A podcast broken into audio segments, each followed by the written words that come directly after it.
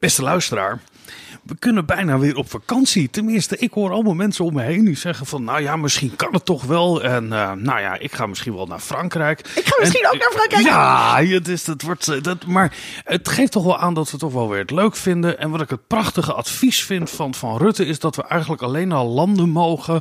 die vergelijkbaar zijn met ons met, qua, qua risico's. En hij heeft ook verteld dat de besmettingsgevaren in andere landen... net zo groot zijn als hier. Dat het niet hele andere mensen zijn. Dus dat zijn altijd uh, hele verheugende mededelingen. En ik zag een reclame van Corendon, wat ik echt het allermooiste vond. Waarin stond, er zijn een één week omruilweken. Dus je mag het omruilen, er is geen risico. En we kunnen allemaal naar uh, Kamp Hollandia, zoals het daar heette. Dus lekker naar Turkije, in de zon, met gewoon alleen maar Nederlanders. Dus dan is er eigenlijk helemaal niets aan de hand. Deze podcast wordt mede mogelijk gemaakt door Code Clear. Duidelijk over websites en design.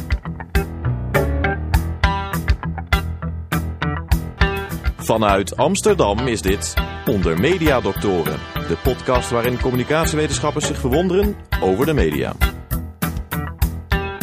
Maar het is toch heel raar.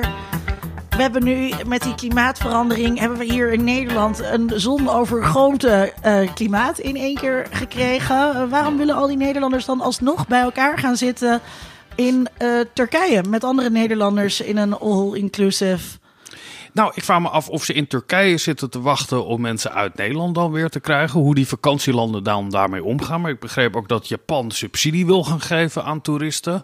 Oh. Dat in, om maar te komen uh, dat de toerisme doorgaat. Dus die weging, uh, die afweging die je moet maken om je toeristenindustrie weer te laten floreren. Ik vond het echt en, van en het de, risico dat je Ik neemt. vond het echt van de zotte. Italië, een van de meest zwaar getroffen landen door dit uh, gehele gebeuren.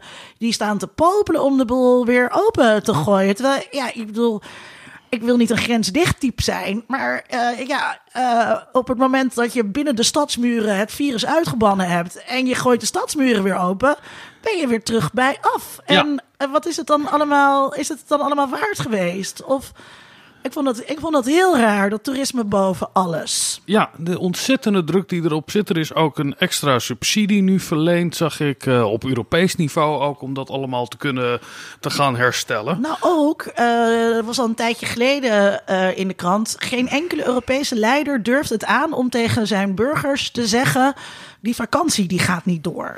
Ja. En Europeanen zijn heel erg een zomervakantievolk. Uh, ja. uh, uh, dat doen wij. In tegenstelling tot Amerikanen bijvoorbeeld hebben we dat veel minder.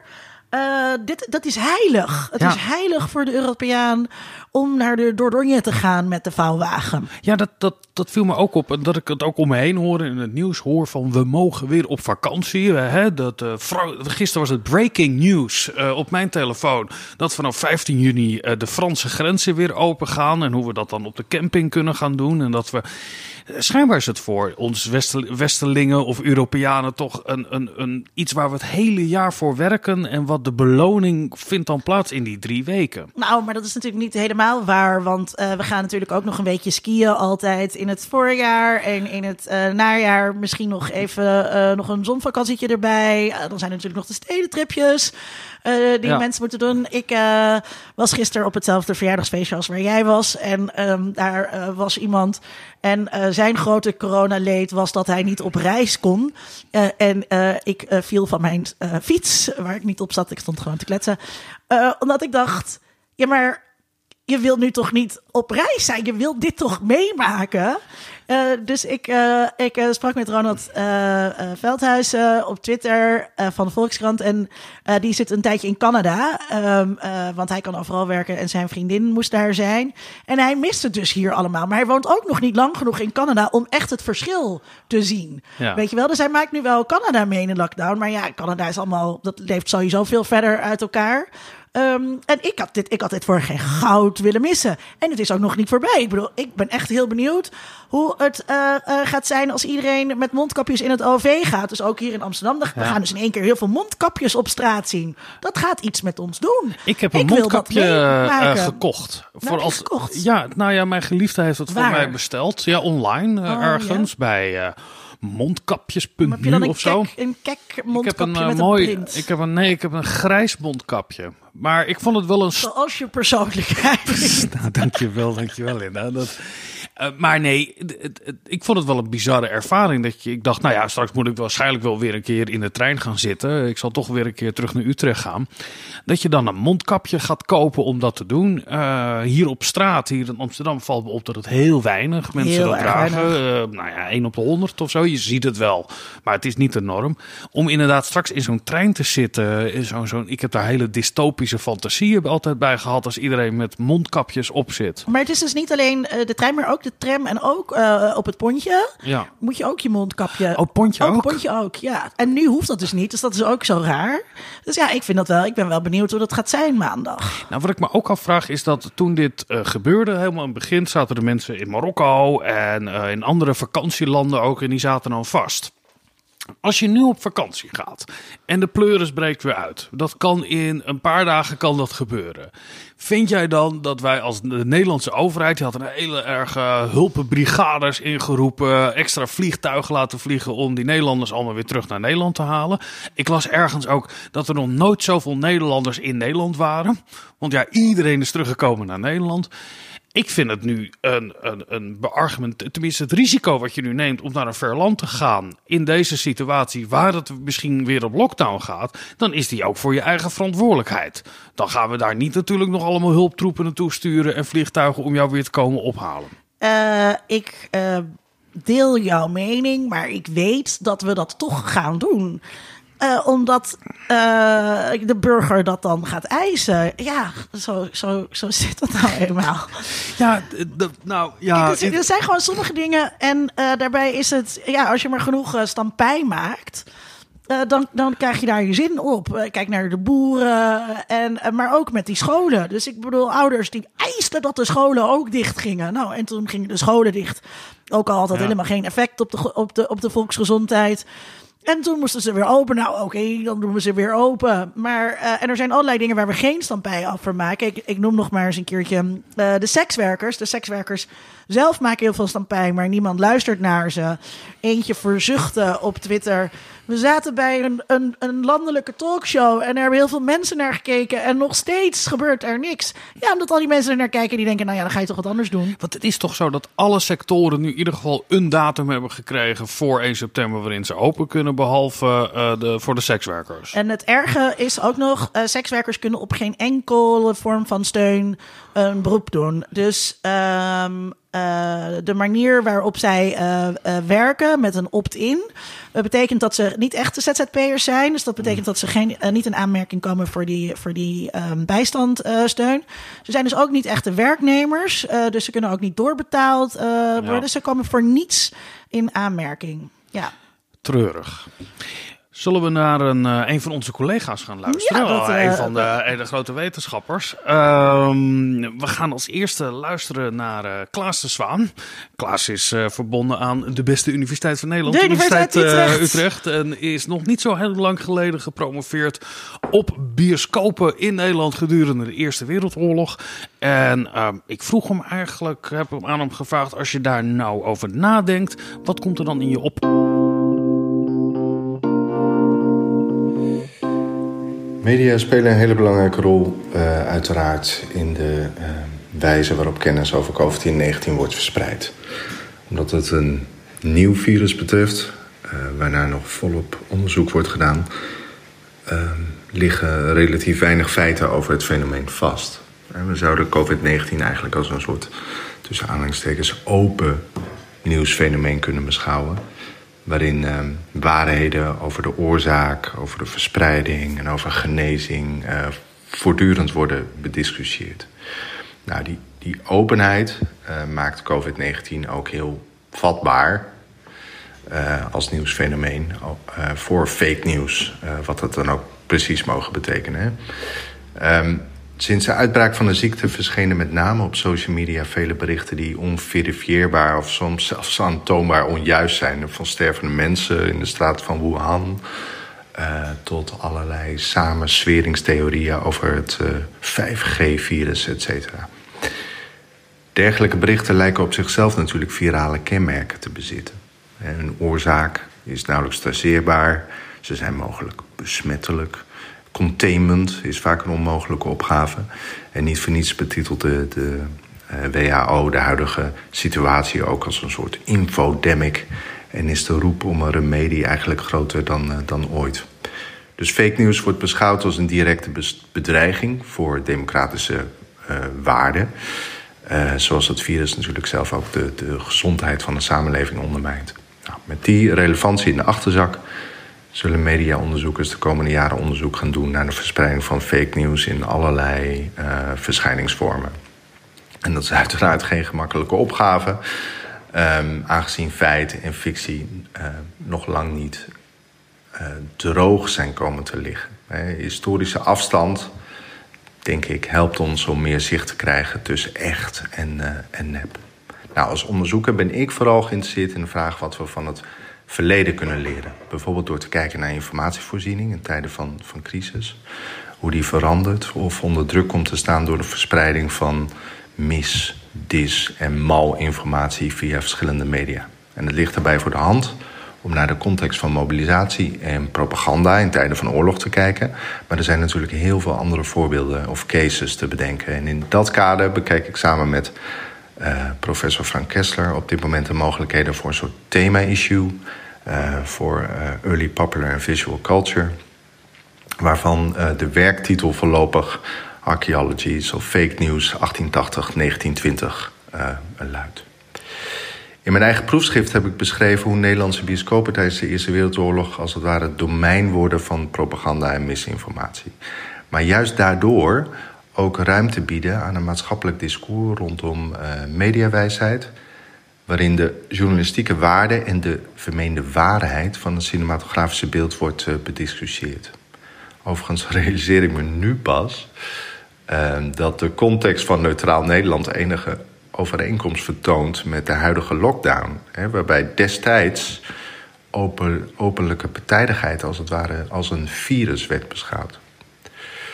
Hoewel vele Nederlanders een vorm van, uh, van zelfcensuur in acht namen, waren er ook Nederlanders die openlijk hun voorkeur uitspraken voor een van de strijdende partijen. En bioscopen werden geacht neutraal te opereren. Daartoe werden ook censuur en disciplineringsmaatregelen ingesteld. Maar juist die maatregelen zorgden ook voor een uh, tegenovergesteld effect. Zodat ook in bioscopen anti-Duitse sentimenten bijvoorbeeld juist oplaaiden. Um, op dit moment ben ik werkzaam als postdoc in het EOS-project Bean Magic. Uh, dat uh, onderzoek doet naar de geschiedenis van de toverlantaarn in hoofdzakelijk België. Mijn laatste artikel beschrijft, kort gezegd, hoe de projectielantaarn in Nederland werd ingezet voor pro-Belgische propaganda. En foto's van ruïnes bijvoorbeeld en verwoesting werden gebruikt om valse berichtgeving van Duitse zijde te, te bestrijden. Dus brengt ons ook op de noodzaak, denk ik, om een heel duidelijk onderscheid te maken tussen fake news enerzijds als een, als een genre, uh, een, een, genre, een narratief, en anderzijds fake news als label en vaak ook een beschuldigend frame. Dus welke rol uh, is vooral, dat is vooral mijn interesse, welke rol speelt het fotografische beeld in de retoriek en de verspreiding van fake news? Vanuit een media-archeologisch perspectief zou ik daar graag meer inzicht in willen krijgen. En wanneer we het hebben over dat containerbegrip fake news, is mijn indruk althans, ligt wel heel vaak de, de, de nadruk op het discursieve, op, op geschreven of gesproken taal. Um, en tegelijkertijd heb ik de afgelopen weken gezien dat um, onverifieerbaar en op zichzelf totaal niet zeggend beeldmateriaal toch een hele belangrijke rol lijkt te spelen in tussen aanhalingstekens de waarheid rondom uh, COVID-19. Nou, kennis van het verleden, denk ik, zou mogelijk bij kunnen dragen aan het herkennen van de uh, manipulatieve manieren waarop COVID-19 wordt verbeeld, bijvoorbeeld. Uh, of in het belang van wie dat wordt gedaan. En bovenal ehm, welke rol media of medialiteit daarin spelen. Dankjewel, Klaas. Vind het altijd heel fijn bij historici dat als je ze een actueel thema voorlegt, dat ze altijd zeggen: ja, maar dat is helemaal niet nieuw. Mhm. Dat is eigenlijk al, bestaat het al heel lang. Hè? Dat zelfs fake news met de toverlantaarn in de late 19e eeuw in België een rol speelde. Ja, en ik denk dat dat heel, heel belangrijk en, en eh, waardevol is. Omdat we zo, ehm, en vooral media ook, er wordt, wordt wel eens gezegd, media hebben geen, geen geheugen. Eh, eh, altijd alles het nu zo belangrijk willen maken. En ehm, eh, uniek en, en dus extreem chronocentrisme nastreven. Ehm, en ja, ja, dus, maar goed, de historici zijn ook voorzichtig met het kijken naar parallellen. Ehm, ik denk dat heel veel mensen zich niet realiseren dat België propaganda kon bedrijven in Nederland. Dat, dat lijkt nu zo'n idioot idee. Ja, maar, ehm, ja, maar volgens mij was het in België dat die beelden dan weer gebruiken. Ik weet helemaal niet precies hoe die oorlogen er toen uitzagen eigenlijk. Maar wij waren Maar- eh, neutraal. België werd verscheurd. Eh, eh, door die Eerste Wereld, door de jou zo geliefde Eerste Wereldoorlog. Zeker, ja. De, van de alle oorlogen, wereldoorlogen, toch wel mijn En favoriete. ik kan me ja. voorstellen dat die Belgen een pokkenhekel aan ons hadden met onze neutraliteit. Kies een kant en je bent ons bovenbuur. En eh, net als dat we nu natuurlijk ook in Europa eh, terecht, eh, eh, ehm, ehm, hoe noem je dat? Verafschuwd worden omdat wij eh, niet, niet solidair zijn met de rest. Maar wat voor lessen, want, want Klaas pleit ook voor een, eh, de historische afstand die we daarvan hebben om het heden beter te begrijpen. Ik vind dat altijd heel mooi klinken. Eh, dat staat ook heel vaak bij monumenten. Hè? Degene die zijn geschiedenis niet kent, die is gedoemd het te her- herhalen. Maar wat voor lessen kunnen we eigenlijk trekken over fake news uit het verleden en, en, en hoe dat dan nu functioneert? Ik snap nooit precies om te zeggen van... goh, we hebben in 1918... eh, was er ook fake news. Ja, dat... dat en, en gaan we het dan nu eh, niet geloven? Of zijn mensen nu daardoor beter op de hoogte... dat iets heeft bestaan, een bepaald fenomeen... waardoor we er niet meer intrappen?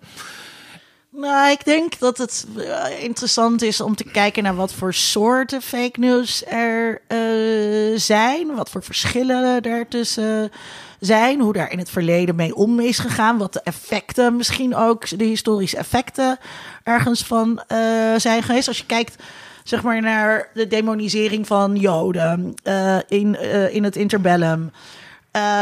En, en je kijkt naar wat PVV-politici op Twitter doen, die moedwillig onjuiste beelden van moslims verspreiden. Eh, ja, dat is wel een historische parallel om te trekken. En ook dus om vervolgens mee te waarschuwen van dit, dit, dit kan leiden tot, tot dat. En Ja, wat mij... Want de discussies die er nu zijn over Forum voor Democratie in de PVV... weet je wel, eh, dit zijn dezelfde argumenten, zeggen mensen dan... eh, die in de jaren 30 werden gebruikt. En we zien het eigenlijk hier herhalen. Dus dat historisch inzicht, dat is in het debat aanwezig... Maar dat wordt juist in het debat weer omarmd om te laten zien: kijk eens, wij worden weggezet als een stelletje fascisten en nazi's en wat er ook. Terwijl wij gewoon realistisch zijn en kijken naar de problemen die er zijn. En de disqualificatie zit juist aan die links-progressieve kant door ons daarmee te vergelijken. Nou ja, ik moet dus weer denken aan, eh, aan de aflevering die we, hadden die we hebben gemaakt met Sarah de Lange over eh, eh, radicaal rechts en eh, Adorno's boekje Aspecten van het rechtsradicalisme. Ik wil nog maar even zeggen, die Adorno die had gelijk. Ehm, eh, Ad- Adorno eh, kijkt daarop terug. Eh, eind jaren 50, jaren 60 meen ik. En heeft wel lessen voor ons. En ik denk dat dat dus heel cruciaal is. Dus je moet niet alleen de vergelijking trekken. Eh, maar toch ook een stapje verder gaan. En misschien kom je dan toch ook al wel weer snel in het domein van eh, de politieke filosofie of eh, van de sociale wetenschap en weg van historie, van, van, van de geschiedenis. Maar Ehm, dan over dat punt wat je zegt van... het wordt zo gretig aangegrepen om te zeggen... ja, als, als, als, als dat dan racisme is, dan ben ik maar een racist of zo. Maar ehm, eh, kijk, het is heel cruciaal om eh, daar een antwoord op te hebben. En Ja, maar het, het antwoord nu is op het moment dat die vergelijking wordt gemaakt. Er is nog nooit iemand geweest die heeft gezegd: Verrek, je hebt gelijk. Ik ben heel erg een groep in de samenleving aan het dehumaniseren. Ik ben daar op dezelfde manier mee dus- bezig. Dit leidt dus- tot grote catastrofes in de wereld. Ik ga dat anders doen. Maar Adorno zegt ook, Adorno zegt je moet niet die politici, met die politici op die manier in debat. Je moet aan het publiek dat vatbaar is voor deze mensen laten zien wat voor hufterige trucjes zij gebruiken. En dus, dus eh, Klaas had het ook over de mediawijsheid die er in de Eerste Wereldoorlog ontstond. Ehm, dus, dus dat, je moet, je moet bloot, ja, daar hou ik altijd van, eh, blootleggen, deconstrueren, ontrafelen. Je zit met een poststructuralist aan tafel en laat, laten zien wat er gebeurt. Maar, de, En dus- wat, je- ja, maar wat je nu ziet is, dat wordt dan, eh, of het nou dog whistles worden genoemd of wat. dan- Het is gewoon openlijke, zeer duidelijke, helemaal niet trucjes of wat dan ook. Worden er hele enge rechtse standpunten ingenomen eh, eh, in Nederland, maar ook in de Verenigde maar Staten. Dat is helemaal niet een soort vernislaagje lichten. Het is gewoon wat het is. Op Nee, maar om even bij eh, die PVV-politie te blijven, bijvoorbeeld die die foto's eh moedwillig verspreiden. Peter Burger op Twitter, onvermoeibaar, kaart hij die mensen aan. Maar het is ook dus naar mensen die, die, die dat volgen of die dat zelf doorsturen. Nee, deze foto is niet echt. Deze foto is van iets anders, wordt erbij geplaatst. Dit Ja. is... Dit is hoe jij voorgelogen wordt door je politici. En dat is volgens mij de, de, de, de weg die je in moet gaan. Ja, ja, ik zag laatst een, eh, was een bijdrage van een longarts. En die zei van, nou, ik weet het eigenlijk allemaal niet hoe dat nou zit met eh, eh, de, de big pharma-industrie en, en, en, en vaccinaties. Nou, dat werd in bepaalde kringen werd dat natuurlijk. Kijk, nu zeggen ze het zelf ook, die artsen. De jongen die is zich rot geschrokken. Die heeft dezelfde dag een soort retraction filmpje gemaakt. Van ja, dat bedoel ik eigenlijk helemaal niet. Te laat. Waarop iedereen ging zeggen, erg hè? Is die jongen eindelijk eerlijk? En die wordt natuurlijk van hogerhand teruggefloten om dit soort dingen weer te gaan doen. Kijk eens wat er allemaal aan de hand is. Dus het idee door, een, door het systeem bloot te leggen, eh, wat wij allemaal geleerd hebben eh, hè, als cultural studies denkers en wat dan ook, dat daardoor mensen uit hun vals bewustzijn treden. Ik heb van de week nog lesgegeven over Adorno en, en, en Adorno, Adorno, Eh, Adorno had gelijk. Het was misschien een Duitser, Nee, maar maar- had toch echt gelijk. Maar de veronderstelling bij Adorno is dat op het moment dat wij ons bewust worden van onze eigen positie, onze eh, klassenpositie, of misschien ook wel meerdere posities, dat we dan anders gaan handelen als we tot inzicht komen, als we verlicht raken. Ik zie dat helemaal niet gebeuren. Nou, dat is niet helemaal de positie van Adorno. Adorno zegt, Hij verklaart in ieder geval wel zien- waarom het niet gebeurt. Ja, hij die, laat zien eh, waarom het allemaal zo kut is. Ja. ja, maar ik, Adorno is geen optimist. Eh, nee, maar dat, dat- hij wijst de systemen aan en, en die beschrijft hij, eh, waardoor wij niet in opstand komen. Ja, Eh, eh, maar je zou toch veronderstellen, en daar was Adorno wel, eh, wel degelijk van, dat op het moment dat er maar genoeg mensen dat doorhebben en bekritiseren en blootleggen en deconstrueren en hoe eh, zo die lees ik banken. Adorno. Dat lees ik niet in Adorno, hoor. dan, dan is daar, dat verklaart waarom wij ons Dat tegen is- onze eigen dat is positie. niet wat Adorno zegt, maar dat is wel wat Adorno aanmoedigt. Hè, Dat is het enige wat je Ja, kan maar waarom doen. zou hij het aanmoedigen als je niet de veronderstelling hebt dat er daarmee in ieder geval een bepaalde on, eh, hoe noem je dat, een, een, een, een, een onrecht wat in de wereld zit, eh, eh, omdat we, bevochten kan omdat worden? we ook niet kunnen blijven staan kijken hoe zich nogmaals een holocaust voltrekt. Ja, maar dan veronderstel je toch op het moment dat je dat blootlegt en dat je die systemen dat- laat zien om te voorkomen dat er een holocaust Adorno is geen poststructuralist. Adorno is geen blije eh, eh, eh, Michel Foucault die met zijn toverstokje staat. Hij dicht weinig agency aan ons toe om daar ons tegen... ja, maar in, maar in die aspecten van het rechtsradicalisme zegt, zegt, heeft hij wel dat, dat dit, al, dit, dit, dit zijn de paden die ik zie die we kunnen betreden. Maar hij is daar niet heel erg hoopvol over. En ik moet zeggen, ik heb dat dus ook heel vaak. Als je kijkt naar wat er nu op dit moment in de VS gebeurt. En een president die eh, eh, eh, geweld tegen zijn burgers. of tegen een bepaald, bepaald deel van zijn burgers verheerlijkt. Twitter die. daar vraagtekens bij plaatst. Zoals ze bij alle andere geweldsverheerlijkingen doen op hun platform. En vervolgens meteen dreigementen krijgt van, van diezelfde president. Eh, ja, ik, ik kan niet anders dan. eh, We, we stonden erbij, we keken ernaar. Dat, heb je dat niet heel erg met de VS? Ja, ik, ik, ik schrok me rot toen ik dat las. Want ik, ik, ik heb me altijd heel wel, wel plezier gehad ook, uh, zeg ik eerlijk, over die rare tweets. En dat er weer iemand beledigd werd. En daar zit een soort verbazing, kan je daarover hebben. Of je kan het belachelijk maken. Uh, of belachelijk vinden. Maar toen, dit, dit is echt weer een hele grote stap dieper, erger, door gewoon op te roepen tot geweld. Dat is dit ongekend dat dat gebeurt. Ik, ik hou mijn hart ook echt vast van wat er tot november gaat gebeuren. Want je ziet het hele koninkrijk begint af te uh, brokkelen. En het wordt steeds wilder uh, wat er gebeurt. En eigenlijk, het, nu ik het zeg, dan denk ik ook.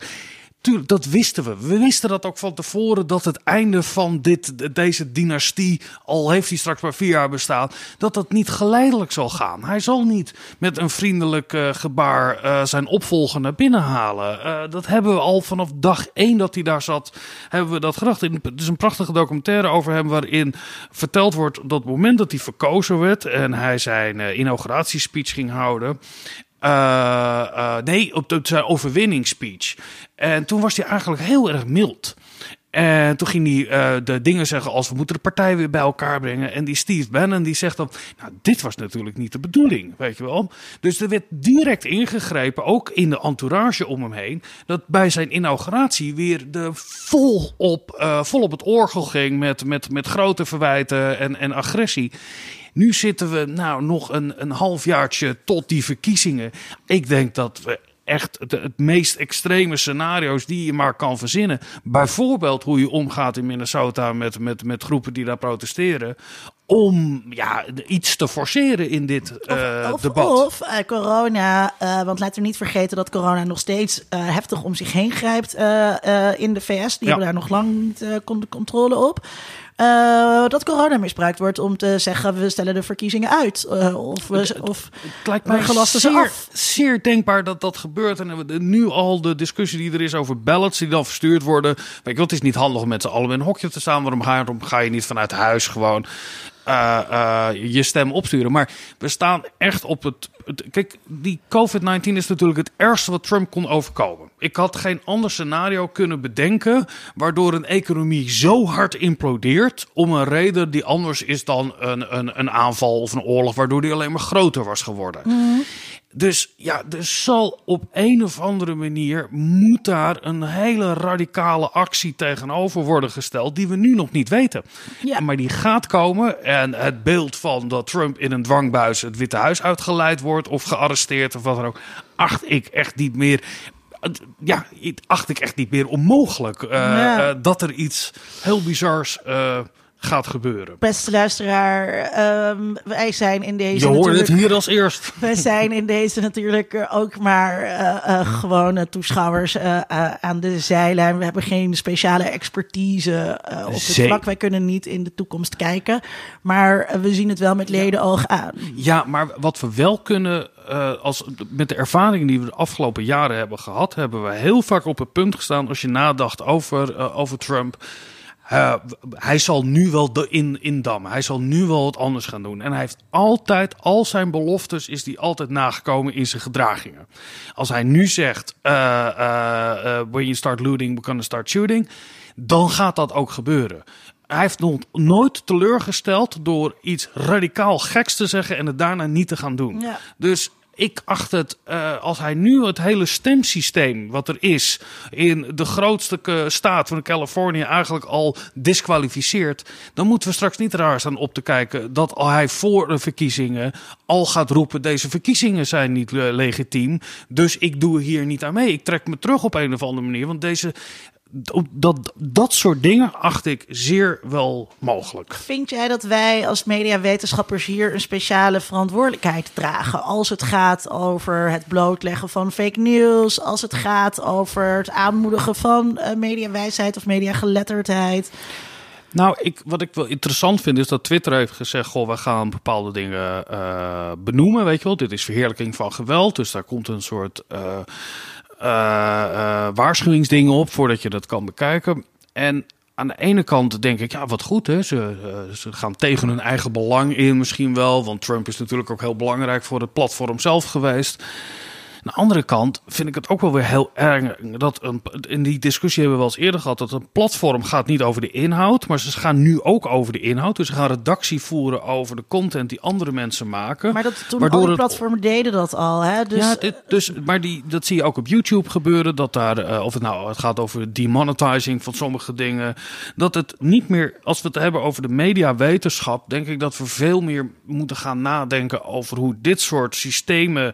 Eh, de regelgeving daaromheen functioneert en hoe overheden daar dat een rol een in zouden moeten formuleren van, voor dit soort platformen. Ja, veel meer dan die eenling, al is het de president van de Verenigde Staten, eh, eh, wat die dan precies zegt. En dat wij gaan zeggen, nou dat zijn leugens. Hoe die, al die factcheckers die we de afgelopen drieënhalf jaar hebben gehad. En dan krijg je, nou hij heeft al 18.000 keer gelogen. Het maakt toch geen donder uit voor zijn positie is gebleken. Dus het, het echt wel gaan nadenken over hoe die grote platformen, eh, zoals Facebook, zoals Twitter, zoals YouTube, maar ook in Nederland. Hè. John de Mol eh, heeft alles zet hij in om die platformen te beheren. Hij is eigenaar van ANP. Al die stations die zijn eh, bedoeld als outlet om ook weer op andere platformen te En kunnen hij werken. koppelt die data aan eh, de data die hij verzamelt met autoveiling.nl. Precies. En dat is ook heel legitiem. Eh, tenminste, dat mag gewoon volgens de wet. Ja, dat, maar, dat maakt het niet oké. Nee, maar dat we het, het, het grootste persbureau in handen is van een van de rijkste mensen van Nederland. Ik vind dat we daar toch wel eens. Is dat eigenlijk wel wenselijk dat je een, een, een persagentschap. of noem je dat? Een, een nieuwsagentschap in handen laat zijn van een particuliere eh, eh, bezit. Die, van iemand die ook in de media zit. Ik was eh, heel verbolgen toen ik blogde over onderzoek en dat werd gewoon helemaal niet opgepakt. ik was daar, en ik was daar, was daar ontzettend boos over. En het was onderzoek waar kwalitatief onderzoek met ehm, eh, tijdens de vor- vorige verkiezingen ehm, met Microsoft, Twitter en eh, Facebook, die met de campagneteams van beide partijen ehm, eh, zijn gaan zitten van hoe kunnen we jullie helpen om onze platformen zo optimaal mogelijk in te eh, zetten. En zo'n platform, dus stel Facebook, doet dat omdat ze dan dus vriendelijke contacten hebben met de staf van eh, die partij. En Ja. ze, ze gooien, ze wedden op twee paarden en dan win je altijd. eh, Ja. Is een beetje het idee hier. Ehm, hè, dus Twitter kiest nu heel duidelijk een soort anti-Trump eh, eh, standpunt. Maar ook daar, ook bij Twitter, zitten mensen eh, die met hoge ambtenaren of sorry, hoge, hoge partijfunctionarissen samen hebben gewerkt, op goede voet staan. Dus die verweving en dat informele ehm, eh, contact, hè, wij helpen jou gratis. Eh, je helpt natuurlijk nooit gratis. En Mark Zuckerberg is nu gewoon Facebook, stelt zich ontzettend laf op. Eh, maar die is ook gewoon En er eh, staat gewoon bezig met zijn consultants eigen... bij de campagneteams. Ja, Precies, d- ja, er zaten consultants bij de. ehm, maar dus, dus dat, en dat is om hun eigen hachje te redden. Om te zorgen Ja. dat er dus geen Facebook. eh, anti-Facebook-regulering kwam, of anti-Twitter-regulering. Ehm, eh, maar dus het is voor beide partijen ontzettend, eh, dus beide partijen eh, eh, bij de kampen, ontzettend interessant om zulke soort samenwerkingen aan te gaan. En ik vond het dus heel mal dat dat, of raar, dat dat onderzoek niet meer werd opgepakt, ook in de Nederlandse pers. Van, ja, maar kijk eens, hier is sprake van een verweving die onwenselijk is. Dit gaat zo in tegen ideeën van vrijheid van pers. We kunnen, niet, we kunnen niet bij de positie blijven dat die platformen alleen maar doorgeven. Volgens mij had Jan Turlings daar ook een bijdrage. eh, had Jan Turlings het in zijn bijdrage daar ook Ja, over. ik denk ook dat als Trump er wat beter voor had gestaan voor een herverkiezing, vraag ik me af of Twitter deze actie had ondernomen. Dat is natuurlijk allemaal heel cynisch gedacht van mij. Maar ik kan me niet voorstellen als de man eh, in de polls nu gewoon op, op, op winst zou staan, dat Twitter het zich kon veroorloven om dat te doen. En dat zal altijd het tegenargument zijn natuurlijk. Hè? Dat eh, vroeger ging je ook je P van de A ging adverteren in de Volkskrant en dat kostte dan ook 40.000 gulden om dat te doen. En dan ging je ook met iemand zitten van de Volkskrant van Maar dat goh, is zullen we dat. Dat is, het is anders om de Volkskrant eh, 40.000 euro te betalen voor een advertentie. Dit is een medewerker van de Volkskrant komt intern zitten bij het campagneteam van de P van de A om uit te leggen op welke plekken in de Volkskrant je het beste kan adverteren. Het is dat is volledig gratis. Ja. Eh, wij leggen je uit hoe de krant eh, werkt. En wat leuk dat ik ondertussen hier zit. En laten we nog eens koffie drinken ehm, met elkaar. Het is echt iets anders dan eh, dat, dat, dat, dat, een, dat een outlet betaald wordt voor advertenties. Nee, er is sprake van verregaande samenwerking.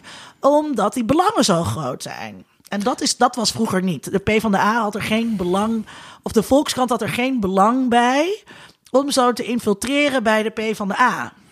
Eh, nou ja, ik denk dat het minder Omdat het, geavanceerd on- was. omdat maar het zullen best was dat de PvdA eh wetgeving zou maken die die Volkskrant zo aan banden zou leggen. Omdat, daar, omdat die, de angst was daar niet voor. Nou, ik denk dat dat wel, tenminste, dat de relatie tussen de P van de A, de VARA en de Volkskrant, eh, dan heb ik het over de jaren zeventig. Ja, die, die, die, de, de oude journalisten zaten bij de P Maar van de A. andere- een maar het, ja, het functioneerde niveau. anders, dat ben ik met je eens. De Het was, Volkskrant hoefde niet te vrezen voor regelgeving die de onstuitbare groei van de Volkskrant wel eens zou belemmeren. En dat is wel wat er bij deze platformen aan de hand is. ja, en er, in de- er was concurrentie. Hè, de- naast de Volkskrant had je andere zuilen hadden weer hun eigen kranten. En dat zie je dus nu, eh, ja, dat verdwijnt. Laten we het ergens anders over hebben. Eh, islam. Is het, oh, ja, dat is een mooi onderwerp. Hallo, Ehm, mijn naam is Martijn de Koning, antropoloog bij de afdeling Islamstudies aan de Radboud Universiteit in Nijmegen. Ehm, allereerst natuurlijk mijn dank aan de mensen van de podcast de Media Doctoren voor de uitnodiging om jullie iets te zeggen. Ehm, iets te zeggen over wat mij de afgelopen week is eh, opgevallen. En ik kijk natuurlijk vanuit mijn onderzoek naar islam in Europa Ehm, vooral hoe er in religieuze kringen wordt omgegaan met eh, eh, corona. En dan zie je, nou je ziet in ieder geval in, denk ik, in de publieke discussies domineren een tweetal vragen. Ehm, A, hoe religieus te zijn in coronatijd. En B, hoe draagt religie bij aan het verspreiden van het virus of juist aan de maatregelen die verspreiding moeten tegengaan. Dat lijken zo'n beetje de dominante vragen. Het zijn niet zo rare vragen natuurlijk. Hè. De eerste vraag over hoe religieus te zijn in coronatijd, die staat in veel media-aandacht in ieder geval, maar ook wel binnen religieuze kringen, in het teken van verlies. En dat is niet zo raar. De religiositeit is voor velen niet een individuele privézaak, maar een collectieve publieke eh, zaak. Soms is het bijzaak, het is lekker gezellig zo met z'n allen bij elkaar. Soms is het ook echt onderdeel van de aanbidding, zoals bij eh, het gezamenlijke gebed. In het tweede geval, eh, tweede vraag, dus draagt religie bij aan bescherming tegen of eh, juist verspreiding van het virus? Daar zit eigenlijk een hele klassieke vraag achter. Is religie een kracht voor sociale cohesie of is het een kracht die de samenleving verdeelt dan wel schade toebrengt? En ook dat is, zoals ik al zei, eigenlijk een logische vraag. We hebben verschillende, over de hele wereld verschillende voorbeelden gezien van grote religieuze bijeenkomsten die later een soort brandhaarden bleken uh, voor het coronavirus. Maar er waren ook allerlei solidariteitsacties in eigen kring en ook over religieuze, raciale, etnische grenzen heen. Opvallend in Nederland, denk ik, was de toch wel razendsnelle reactie van islamitische organisaties op de coronamaatregelen van de overheid. Men anticipeerde daarop en eigenlijk zodra die maatregelen bekend werden, ging men binnen een uur uh, tot actie over. Dus nou, um, in plaats van bijeen te komen hè, met grote groepen, werden de groepen gereduceerd tot 30 mensen met anderhalve meter afstand. Of de meeste gebedshuizen gingen eigenlijk helemaal dicht en zetten hun activiteiten online voort. Waarbij dit jaar vooral opviel, uh, zeg ik nog met enige terughoudendheid, hoe vrouwen daar een steeds grotere zichtbare rol in lijken uh, te krijgen. Nou ja, op zich zijn deze invalshoeken, hè, dus de coronatijd als een soort verlies voor religiositeit en de vraag naar bescherming of juist het uh, uh, uh, gevaar opleveren van religie, zijn niet, zijn niet zo raar, maar ze zijn ook wat eenzijdig, want ze nemen een beetje het zicht weg op het gegeven dat sommige praktijken eigenlijk helemaal niet zo nieuw zijn. Maar een intensivering van wat al lang te zien was. De gang naar online activiteiten, uh, islamitische, islamitische Nederlandse traditie van liefdadigheid, um, de verdelende en de verbindende boodschappen, En ook de kwetsbaarheid van vooral Joodse islamitische gemeenschappen als doelwit van haat en tolerantie. Dus je, je kunt eigenlijk stellen, de coronacrisis zorgt voor een intensivering van reeds langer bestaande kwesties en uh, ongelijkheden. En denk bijvoorbeeld ook aan de discussies over uh, echt acuut geworden nu over waar je moet begraven en hoe je dat de islamitische begrafenis en wassing en dergelijke in Nederland uh, moet doen. Of de controversies over de oproep tot gebed en het bidden van agenten in uh, uniform. Waar eigenlijk weinig aandacht voor is, in ieder geval in de, denk ik in de mediaberichtgeving, met de uitzondering wellicht van Nederlands Dagblad, Reformatorisch Dagblad, is, is God. Waar is God in deze crisis? Um, of in ieder geval dan toch in de mediaberichtgeving. We zien het een beetje in berichtgeving over ouderzorg, waar je ziet dat uh, ouderen, maar ook medewerkers, hun toevlucht zoeken tot God voor steun en, en troost enzovoorts. Waar um, in beperkte kringen, in ieder geval binnen islamitische kringen, wel aandacht voor is, is de representatie van moslims in de berichtgeving. En hier ligt ook een vraag eigenlijk voor de mensen van de mediadoktoren. Um, zoals ik een tijdje geleden al opmerkte op Twitter en Facebook, en het, het zou heel goed kunnen dat mijn eigen bias hier mij parten speelt. Maar zijn er niet ineens veel meer foto's met moslims bij onderwerpen die niks met islam te maken hebben? En wel met corona. Een foto bijvoorbeeld um, met een afbeelding van het virus en daarbij twee moslima's met een mondkapje in een bericht over het versoepelen van de regels. Of bijna dagelijks bij het parool op een gegeven moment een moslima met een mondkapje voor het Koninklijk Paleis in Amsterdam bij de ingezonden brieven. Of een foto van een vrouw met een hoofddoek die ogenschijnlijk van achteren wordt nagekeken door witte mensen in een bericht over dat het coronavirus uh, uh, niet-westerse minderheden in Nederland minder hard zou treffen dan in andere landen. Maar overigens nog wel steeds met een grotere oversterfte. Um, hoe, hoe zouden de mensen dat soort, het gebruik van dat soort foto's uh, duiden? Uh, welke redactionele grondoverwegingen, if any, liggen hier aan de grondslag? En in hoeverre uh, werkt het gebruik van foto's van mensen die zichtbaar moslim zijn in relatie tot het coronavirus, in hoeverre werkt dat stigmatiserend of normaliserend? Of misschien iets van allebei? Um, bedoel, dat zijn, dit zijn wat vragen die ik denk ik over een tijdje ook wel ga voorleggen aan wat redacties. Maar ik was toch ook wel benieuwd wat de mensen bij mediadoktoren als toch specialisten op het terrein van media uh, hierover uh, te zeggen hebben. Um, enfin, tot zover even en dank voor deze gelegenheid. Heel veel succes met jullie podcast.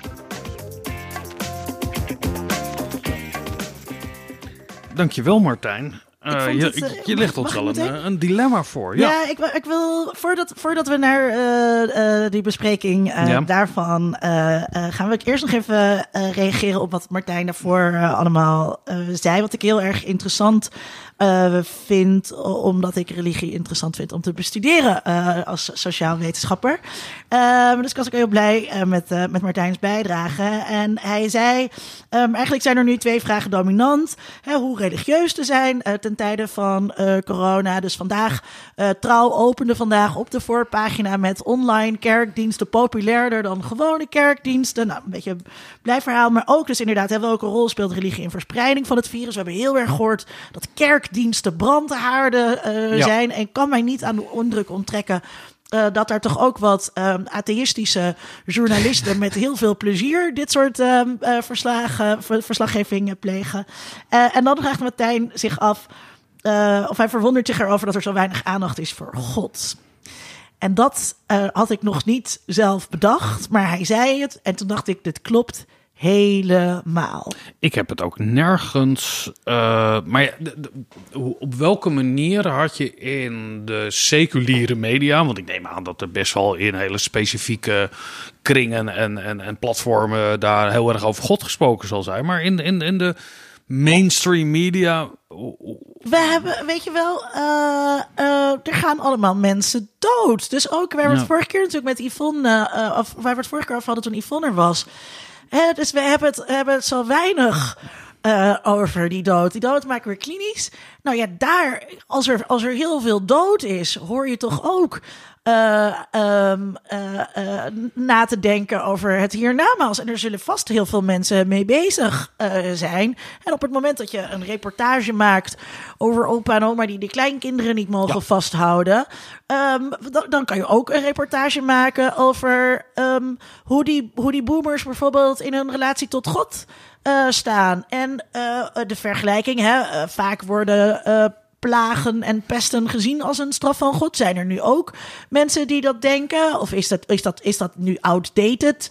Denk ik kan nog wel wat vragen beantwoorden die vanuit een human interest perspectief reuze eh, interessant en relevant zijn. Ik heb wel iets gezien, maar dat was dan meer eh, echt aan de radicale kant. Hè? Het dragen van een mondkapje. eh, hè, dan stel je, als je je helemaal open ge- overgeeft aan de Gods wil, dan ga je natuurlijk ook geen mondkapje dragen. Oh, als je Dat, antifaxer bent, dan doe je ook geen mondkapje. oh, is dat zo? Zijn er mensen nou die ja, dat... mensen, ik, ik las dat in de Verenigde Staten dat er mensen zijn die geen mondkapje dragen. Want ja, de, de, de predestinatie is zover dat je natuurlijk ook al lang besloten is of jij besmet gaat raken of niet. Zoals er ook natuurlijk ook in Nederland, geloof ik, eh, groepen zijn die zich niet willen inenten om die redenen. Of geen bloedtransfusie eh, willen. Oh, Of dat is allemaal ook dat interessant soort. of er dan nu in de Bijbelbelt ook mensen mm, Ja, eh, geen, niet- geen, geen eh, mondkapje in het extra gaan dra- verzorg, dragen. eh, veiligheidsmaatregelen nemen. Wat ik interessant vond is dat hij zei, wat je, wat je ziet is een intensivering van bestaande verhoudingen. Dat vond ik heel kernachtig uitgedrukt. We hebben dat eerder ook wel gezien, dat herken ik ook wel. Ehm, wat ik me heel erg goed kan herinneren, is dat in die twee, in beginfase was er nog wel een soort uitzonderingspositie eh, gemaakt voor samenkomsten in gebedshuizen. In welke manier dan ook. Dat daar net wat meer mensen mochten komen dan ergens anders. Ja, Ehm, en dat daar natuurlijk, en daar zie je die intensivering van gebedshuizen. Van nou ja, mijn eh, met z'n allen in de kroeg zitten is voor mij ook gewoon een, eh, een gebedsdienst met een biertje erbij. Dus waarom mogen ze wel in de kerk zitten en niet in de kroeg? Die, die tegenstelling, die zag je wel. Domme, domme eikels zijn er ook. Echt. echt. Eh, ja, nou ja, eh, nou leg eens uit dan. Waarom dan? Huh? Huh? Nou ja, eh, ik heb in mijn andere... Maar is er, is er een... In de andere podcast heb ik net heb ik ook ruzie zitten maken over religie. Ehm, en dat kwam ook op de vraag terug: wat is een religie? Eh, en met elkaar, en dat is een hele moeilijke vraag. Het is heel lastig, omdat ik heb dat wel eens mijn studenten laten doen. Oké, je mag niet zeggen het is de islam en de jodendom en de christendom, maar je moet uitleggen wanneer je iets stelt, zeg maar als een religie. Ja, dat is eh, natuurlijk een enorme juridische discussie ook geweest eh, op heel veel plekken. En dan kom je al snel bij spaghetti monsters Precies. uit. En, het is maar, en het is ook een, een, een, een, een sociologische of antropologische, of in ieder geval sociaal-wetenschappelijke kwestie. Maar ehm, ja, ik vind het zo flauw. Eh, namelijk, dat vind ik het gewoon met je bier drinken. en. Maar ehm, wat, wat namelijk heel relevant is hier, en de enige die ik daarover heb gehoord, ehm, was in Haagse Zaken. eh, eh, volgens mij was dat Tom Jan Mees, maar dat weet ik eigenlijk niet zeker. In ieder geval iemand in Haagse Zaken die zei: er worden nu eh, grondrechten toch wel heel heftig opgeschort. Ja. En ehm, die vrijheid van eh Recht op vereniging en- en recht op vereniging, dat zijn hele belangrijke eh, basisgrondrechten. En wij vinden Mark Rutte allemaal een hartstikke toffe peer. En we geloven niet dat hij zo snel misbruik zal maken van dit soort dingen. Maar we hebben het net ook eindeloos gehad over een andere niet zo toffe peer. Eh, ehm, eh, Trump, weet je. Dus je kunt, daarom zijn die grondrechten zo belangrijk. En moeten die zo stevig worden bewaakt. Omdat je niet altijd een tweedehands autoverkoper als eh, premier hebt. Ehm, en, we, en, we, en we laten dat wel redelijk makkelijk gebeuren. En om dan. Ehm, en, en dat gesprek dus over die grondrechten. En dat gaat dus ook over Ja. religie. En je kan religie stom vinden. Dat mag jij weten. Maar we leven in een land, godzijdank. Waar de mensen die religie stom vinden. niet de macht hebben om mensen die religie leuk vinden. ehm, te verhinderen hun eh, geloof te beleiden. En dat Ja, vind je- ik- call me crazy, uh, een ontzettend belangrijk grondrecht. Waardoor je, uh, ik ben met je eens, en ik vind ook echt dat een religie, het is een zwaar bevochten uh, recht in, de, in de afgelopen eeuwen. Zeker in Nederland. en is toch, het, het, heeft een uitzonderingspositie ten opzichte van gezellig met je vrienden op zondagmiddag misschien een pubquiz gaan spelen. Weet wat, dat heeft een maar, andere, het ook, heeft een andere status. Maar we hebben bijvoorbeeld wel, er is wel wat aandacht geweest voor het recht op demonstratie en hoe dat doorgang moet kunnen vinden. Um, uh, en dus ook een politieke vereniging. Dat is ook dat is een heel belangrijk recht. En dat jij niet mag samenscholen, uh, nu op dit moment. Uh, ja, wat doet dat eigenlijk voor uh, onze capaciteit om. Uh, want samenscholen is belangrijk. Ik heb in mijn aller, aller, allereerste corona-column bij Folia. Toen wist ik nog niet zeker wat er ging gebeuren. Hè, dus was nog ja. onduidelijk of de universiteiten dicht zouden gaan. Toen heb ik geschreven: zolang wij nog mogen samenscholen bij het koffiezetapparaat. moeten wij het erover hebben wanneer wij weer terug gaan keren naar offline onderwijs. Nou, vooruitziende blikcolumn. Uh, en dat samenscholen is belangrijk. Want in zo'n Zoom-sessie maak je toch minder snode plannen dan wanneer je bij elkaar bent. Ja, ja het, het, zeker. Ik zit nog even te denken over en dat, die... Dus dat, dat recht op samenscholing en het recht op vereniging... en uh, dat zijn belangrijke uh, grondrechten. Die mogen wij niet. En ook dus dat recht op religie. En, en hartstikke goed als mensen in een kerk zeggen... wij vinden het zelf uh, onveilig om nu samen te komen... en we gaan lekker online Pinksterdienst doen. Um, go for it. Maar ja, dat opschorten, dat vind ik nogal wat wat mij opviel, en dan gaan we even richting de vraag van Martijn, is dat er in de berichtgeving, net toen die eerste maatregelen kwamen, hoorde ik op de radio uh, een interview met een imam die gelijk zei: Weet je wel, we komen niet meer samen in de moskee. En als het nodig is, dan stellen we de moskee direct beschikbaar aan uh, de stad of de gemeente. Als daar mensen opgevangen moeten worden. En dat, hè, als dat een soort IC-achtige ding zou moeten worden. En er was heel veel aandacht toen in, in die paar dagen voor islamitische organisaties, hoe die reageerden op deze maatregelen. Als of, en dit is een beetje een uh, cynisch denken, wederom, wederom voor mij vandaag. Ze de, een soort veronderstelling was dat er binnen die islamitische gemeenschap wel gezegd zou worden: nee, uh, we, we, geven het overal aan Allah en de fuck de Nederlandse overheid. Wij stellen ons buiten die norm. Um, het, weet je wel, het is een beetje, er zijn nog, vanavond zijn er nog, nog geen rellen uitgebroken. Als je dat maar lang genoeg herhaalt, dan zullen er op een gegeven moment wel een keer rellen uitbreken.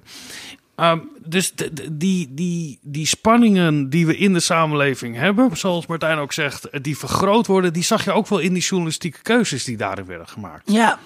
Dan nu, uh, uh, ik, misschien leuk voor islamitisch, de hamvraag. Uh, die Martijn stelt. Uh, is dat een hele flauwe. is die, ik, ja. ik, voel, ik, ik wilde hem hamvraag zeggen. En toen dacht ik, nou, is toch wel een aardige. Nee, nee, nee is niet leuk. Nee, nee, je maakt daar echt geen vrienden mee. De Krijg niet de lachers op je hand. De afbeeldingen. Iedereen van... zit nu met zijn hoofd zo. Zo schuddend op de fiets. En dat je. Nee, Vincent. deze vraag die kan je. Of tenminste, je mag hem niet zo stellen. Ik vond hem zelf eigenlijk wel aardig. Um, um, ik vond het. Uh, Oké, okay, ja, dus uh, uh, bedankt Martijn ook voor je vraag. Martijn had ook een paar foto's aan ons opgestuurd. Ik zat echt zo. What the fuck? Ja. En uh, dan is de vraag natuurlijk, um, hè, hoe representatief is dit? Zat jij ook, what the fuck? Nou, als eerste wat ik dacht is, foto's in uh, journalistiek, weet je wel, niets is zomaar wat daar gekozen wordt. Foto's, daar wordt echt goed over nagedacht. Daar kan ik iets interessants en, over zeggen. En dat is niet een, uh, een stagiair die er gewoon iets op plakt. Okay. Dat ten eerste. dus we hebben nee, het over intentioneel... Ik ga, hier ja, ik ga daar even iets over zeggen. Of wil je eerst je punt maken? Nee, dat, dat, als we dit benaderen en je ziet daar bepaalde patronen in, kan het niet, we kunnen het niet wegzetten, oh, het zal wel toeval zijn. Oké. Okay. Uh, uh, het NIDA uh, uit Den Haag heeft een soort keuringsdienst van waarde filmpje opgenomen. Waar zij gaan bellen met verschillende redacties om hen te vragen naar, zit, hier, zit hier nou, waarom, het valt mij op dat er zoveel um, foto's van moslima's met mondkapjes zijn. Hoe komt dat? Nou, en wat gebeurt? Ik zal in de show notes linken naar dit filmpje. Uh, dan gaan die redacties, ze zeggen allemaal... Wat denk je dat ze zeggen? Ja, de, uh, dat het geen intentie was of het is toeval. Je zoekt er nu wel heel veel achter. Of er wonen je, toch je ook gewoon nu, moslims in je Nederland. Je doet nu echt een beetje moeilijk, Ja. uh, krijgen ze te horen. Maar ook, nee joh, dit is, dat is gewoon... En er wordt gewoon een foto bij geplaatst. Alsof er inderdaad nul beeldredactie gevoerd wordt. Dus ze wassen hun handen in onschuld. Ja, maar dan komen we op de vraag... Is het is het kwaadaardigheid? Is het, en volgens mij is Martijn uh, hinten daar al naar. Je zou kunnen zeggen, uh, het is goed dat we op verschillende momenten bij nieuwsverhalen beelden gebruiken waarin er een bredere afspiegeling is van de wereld, ook als het niet daarover gaat. Dus als je een bericht hebt over de islamitische gemeenschap, dat je daarin, als je een vrouw afbeeldt, zijn hoofddoek op heeft, dat is logisch. Maar ook gewoon eens een keer als het gaat over stijgende uh, uh, prijzen of waar gaan mensen naartoe op vakantie. Iets wat niet topical is. Maar hoe? Dus dan zou je kunnen veronderstellen dat dat uh, gericht is op normalisering. Ik zat laatst uh, toch. Maar dan is, het, dan is het in dan uh, lieg je die redacties nog steeds, want dan zouden ze moeten zeggen: ja, dat klopt. wat leuk dat u hierover belt. Wij vinden het belangrijk om moslims in alledaagse situaties te laten zien die niks met islam te maken hebben. En daarvan dat nieuwe beleid ziet u nu het resultaat. Ja, dan zijn ze natuurlijk weer bang dat ze vanuit uh, andere hoeken wordt gezegd: uh, Goh, uh, dit is islamisering van, van het nieuws. door ons mensen met een hoofddoek door de strot te drukken. Ik zat laatst een talkshow te kijken met Lemja, die, die daarin zat, die het over het CDA, de politiek, ging niet over islam. Ik kijk even op Twitter. Mensen kunnen het niet unseen. Die, de, de, dan tientallen reacties ja. over wat moet zij met haar hoofddoek zeggen over een christelijke partij of iets dergelijks het, is zo moeilijk om hier naïviteit in te veronderstellen. Precies, daarom was ik dus, vond ik het echt uh, totaal idioot uh, hoe, die, hoe die redacties dus reageerden op die vraag van Nina. Hoe lees jij zo'n beeld? Om even bij ons te blijven. Laten we daar beginnen. Wat voor... Uh, we zitten nu een beetje te gokken naar de encodering. Wat voor betekenis hebben deze makers van deze foto's en nieuwsredacties uh, hiermee in willen stoppen? Daar kunnen we naar gokken, want dat weten we nu even niet. Maar laten we ook even kijken naar hoe wij zelf, wij als privépersonen, zulke beelden decoderen. Wat, wat zie jij als, ik heb jou net die foto's laten zien, als jij dat achter elkaar ziet, allemaal meisjes met een hoofddoek en een mondkapje? Ik zal heel eerlijk zijn. Je wees eerlijk. Uh, als ik dit soort foto's zie, ben ik me altijd van bewust: dit is een vrouw met een hoofddoek.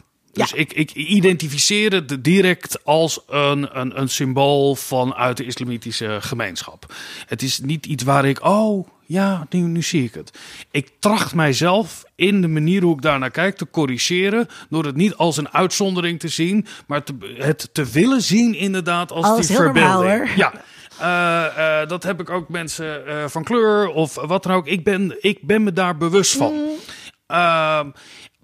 Zo, zo gaat het bij mij. Ik associeer het misschien ook wel meer met een stedelijke omgeving. Uh, omdat je mensen met een hoofddoek ziet. Dus ik denk dan, uh, mijn associatie is ook islam, maar ook de stad, wat, wat hier het verhaal verteld wordt. Want ik denk dan niet, god, deze mevrouw die woont vast in Doetinchem. Uh, ik weet niet of het in Doetinchem anders is, maar dat is mijn eerste hunch die daarbij zit. Natuurlijk ook getraind als mediawetenschapper kom je ook wel op de vraag: wat zou de intentie van de, uh, van de, de, de, de redactie, zijn? nee, van, van de redactie zijn geweest om het op deze manier ja. te doen? En ik ben ook wel heel benieuwd wat er dan in de tekstjes onderin staan bij de foto. Staat daar dan uh, uh, uh, vrouw met mondkap? Of hoe wordt dat dan benoemd? We gaan nu even kijken wat eronder staat. eentje, coronavirus treft minderheden in Nederland minder. Dan in andere landen. Hier bij Parool staat helemaal niks daarbij. Ja, maar kijk, zo'n over minderheden, dat je dan... Vrouw met mondkapje wandelt door een winkelstraat in Hongkong. Ja, dat, dat is een neutraal. Maar op het moment dat het gaat over minderheden. en je laat een foto zien van een vrouw met een hoofddoek. dat is inderdaad een vertegenwoordiger van een minderheid in Nederland. Dus in die zin vind ik het redactioneel ja, journalistiek nog wel te daar verantwoorden. Past het, daar past het erbij. Um, ik uh, heb hier dus, uh, ben hier ook over aan het nadenken. Ik heb natuurlijk heel veel met de hoofddoek gedaan voor mijn ehm, proefschrift. Uh, als je dat interessant vindt, mensen, dan uh, kan je daar van alles over opzoeken. Uh, een, een, van mijn. dan kan je er alles over opzoeken, ja. Een, een van mijn. of een van de uitspraken die mij heel erg geraakt heeft, is van uh, Gulle, een onderzoeker. en zij zegt: um, No other symbol um, reinforces with such um, strongness, such fierce, the otherness uh, of Islam to the West. Dus het gaat heel erg over hoe verhoudt de islam zich tot het, tot het Westen. Um, en, dat, dus, en wat jij ook zegt, als jij een hoofddoekje ziet, dan, dan zie je iemand die anders is. Ja. En uh, als ik iemand met een mondkapje zie... Ik zou heel graag willen dat ik dat niet zou zien. Hè? Dat je dat... Je dat, dat, dat, dat in, ja, dat snap ik. Maar we zijn, we zijn, hier, we zijn hier eerlijk en op. Uh, uh, op het moment dat ik iemand met een mondkapje zie, uh, grappig ook dat we alle twee deze woorden verkleinen. Hoofddoekje, mondkapje. Um, uh, als ik iemand met een mondkapje zie, dan denk ik gevaar. Ik vind, dat, uh, ik vind het beangstigend in het straatbeeld. Misschien is dat na maandag anders, als er veel meer mensen zijn. Maar als ik iemand met ook... Nu als ik iemand zie fietsen, denk ik, wow, waarom is dat? en dan denk ik, oh ja, corona. maar dus dat, ja, zo, zo, ja. zo gaan mijn hersenen. Dus je ziet iemand die anders is en je ziet gevaar dat, uh, is niet een, dat is niet een happy association uh, die, die je daar krijgt. Um, dus ik, ik, zie, ik zie het helemaal niet. Het, werkt bij mij in ieder geval niet normaliserend om deze beelden zo te zien. Um, ja, ik, ik, ik, ik, bij mij heeft dat een geen positief effect. Nee, er wordt een, een, een, een, een, een ja, er wordt een gevaar gelijk geschakeld met een, uh, met, met, een, met, een vrouw met een hoofddoek. Ja, dat, met een religie. ja, ja. ja. Uh, uh, dat is een, een hele dominante manier hoe je dit kan en lezen. Dus ik bedoel, en ik weet niet hoe andere mensen dit lezen. Dus dat, daar, zou je, daar kan je onderzoek naar doen. Daar kan je met mensen over gaan praten. Nog even veronderstel dat de selectie die Martijn... Ik, ik, hè, misschien is dat iets... Je kan een soort, soort bias, confirmation bias hebben door dat soort dingen dat zegt Martijn zelf ook. Ja. Van, is het misschien omdat ik als islamonderzoeker... en dat zeggen die mensen van NIDA ook... en valt het nou alleen maar ons uh, heel, heel ja. erg op. Um, maar hè, dus even met, met die slagen om de arm... Uh, uh, en en uh, alleen maar voor deze NS2 hier aan tafel van mensen die heel goed weten hoe ze moeten deugddenken en toch dit soort associaties als eerste hebben.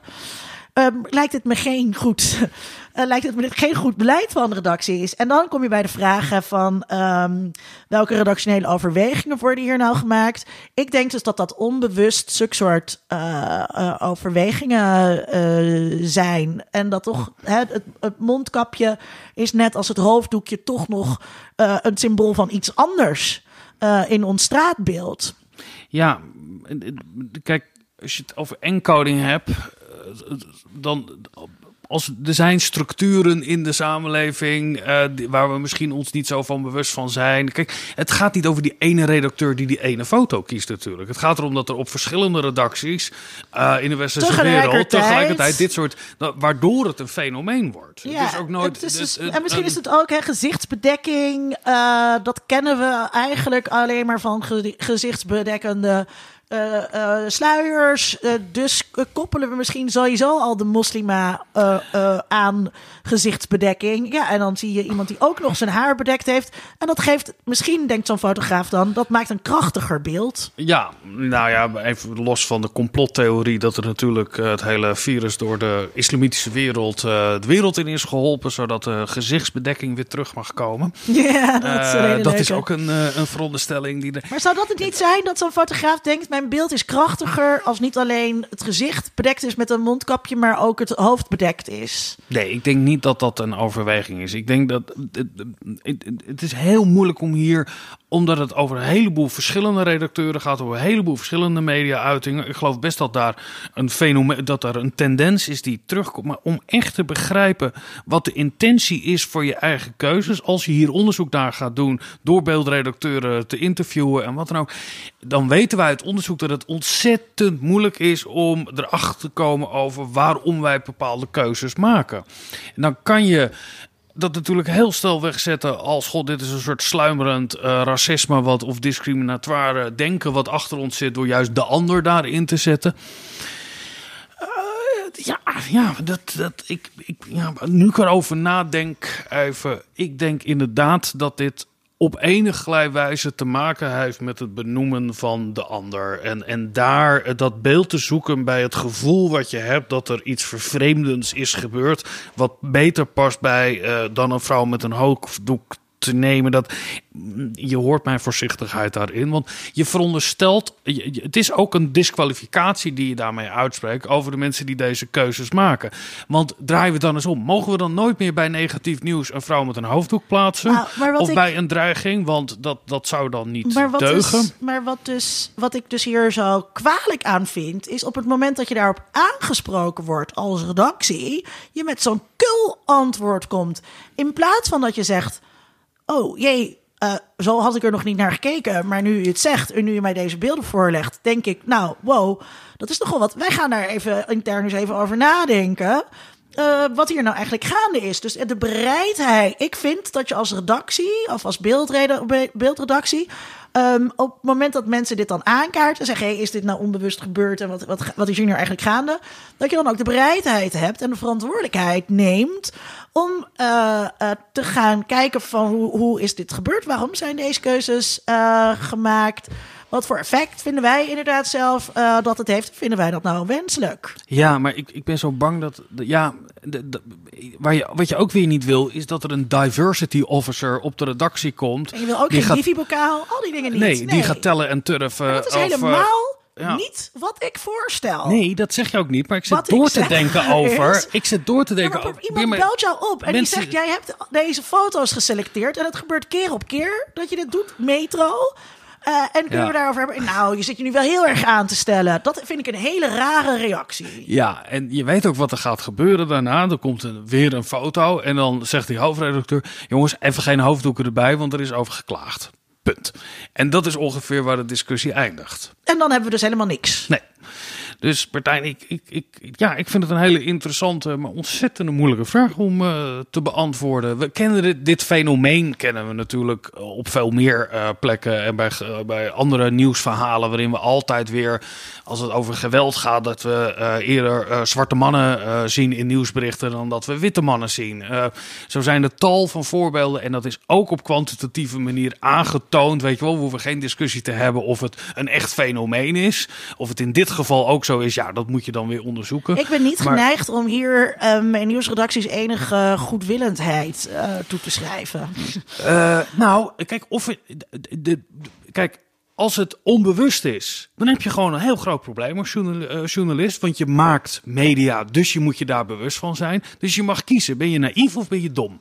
Uh, ben je naïef of ben je kwaadwillend? Ja, en uh, als dat vanuit een overtuiging is dat je dat op een. Uh, maar, en op het moment, maar op het moment dat je de mensen. Nee, wacht even. Op het moment dat je de mensen die je daarop aanspreekt wegzet als uh, zeikers, mensen die spijkers op laag water zoeken. Ik bedoel, dan ben je dan. Eh, we hebben die twee keuzes. Of je bent naïef of je bent kwaadwillend. Welke kant denk jij dan dat het opgaat? Ik denk dan dus kwaadwillend, want je wil er ook niet op aangesproken worden. En stel je voor dat, je, uh, dat je. Stel je voor dat de redactie zegt. Hora est. ja, dat zou je wel willen, ja. Nee, maar even we moeten nog de andere optie bespreken. Stel dat de redactie zegt: ja, dat klopt. Want wij zoeken altijd naar beeld waarin we de breedte van de samenleving laten zien in alle nieuwsverhalen. En wij zoeken daarnaar door niet altijd weer een witte man in pak neer te zetten op het moment dat het gaat over de, de, de werkgever. Uh, zou dat goed beleid zijn? Maar, uh, dat, dat is, ik hoef daar niet over te reflecteren, want dat is niet aan de orde. Ja, want ze zeggen van niet. Ze zeggen, nee, ze, nee. ze zeggen, ze zeggen, stel je niet zo aan. Ja. Dit is niet aan de hand. Ja. U, u, u, u, u, ziet iets wat er niet is. Ik zou het als, als ik dan toch een advies zou moeten geven. Niemand vraagt mij erom, maar ga als een redactie daarover. Ja, advies. Nou, het zou heel goed zijn als redacties erover na blijven denken over wat, wat, wat laten we over de wereld zien en welke keuzes maken we daarin. Ook als je dat doet door juist een keer een vrouw met een hoofddoek neer te zetten als het gaat over een conflict met werkgevers of, of noem maar wat. Eens. Uh, uh, dat zou ik heel goed vinden. Ja. En niet gaan tellen en turven dan. Geen bokalen uitreiken, maar gewoon nadenken over je journalistieke product. nadenken, reflecteren, je verwonderen over de dingen die je doet. Ja, nou, dat hebben wij nu ook gedaan. Ja. Dankjewel, Linda. Dankjewel, Vincent. Uh, wij zijn er uh, heel snel weer, beste luisteraar. Heb je nou ook nog uh, een leuke idee? Laat wat voor je horen over je eigen ervaringen. maar je mag ons ook gewoon geld geven. Dat kan via Patreon of er zijn. Hebben we nog andere plekken we waar mensen? we hebben een doneerknop. Ja, we willen op alvast... de website. Ja. mediadoktoren.nl. Ja, en we willen de mensen die al gedoneerd hebben heel hartelijk bedanken daarvoor. Dan gaan wij nog even voor, voort met deze serie. En dan zijn wij er komende week zijn wij weer terug. En uh, bedankt aan Marius die de montage deed. Dankjewel Marius. Goedjes. Tot dan. Onder Mediadoktoren is een podcast van Vincent Kronen en Linda Duits. Meer informatie vindt u op ondermediadoktoren.nl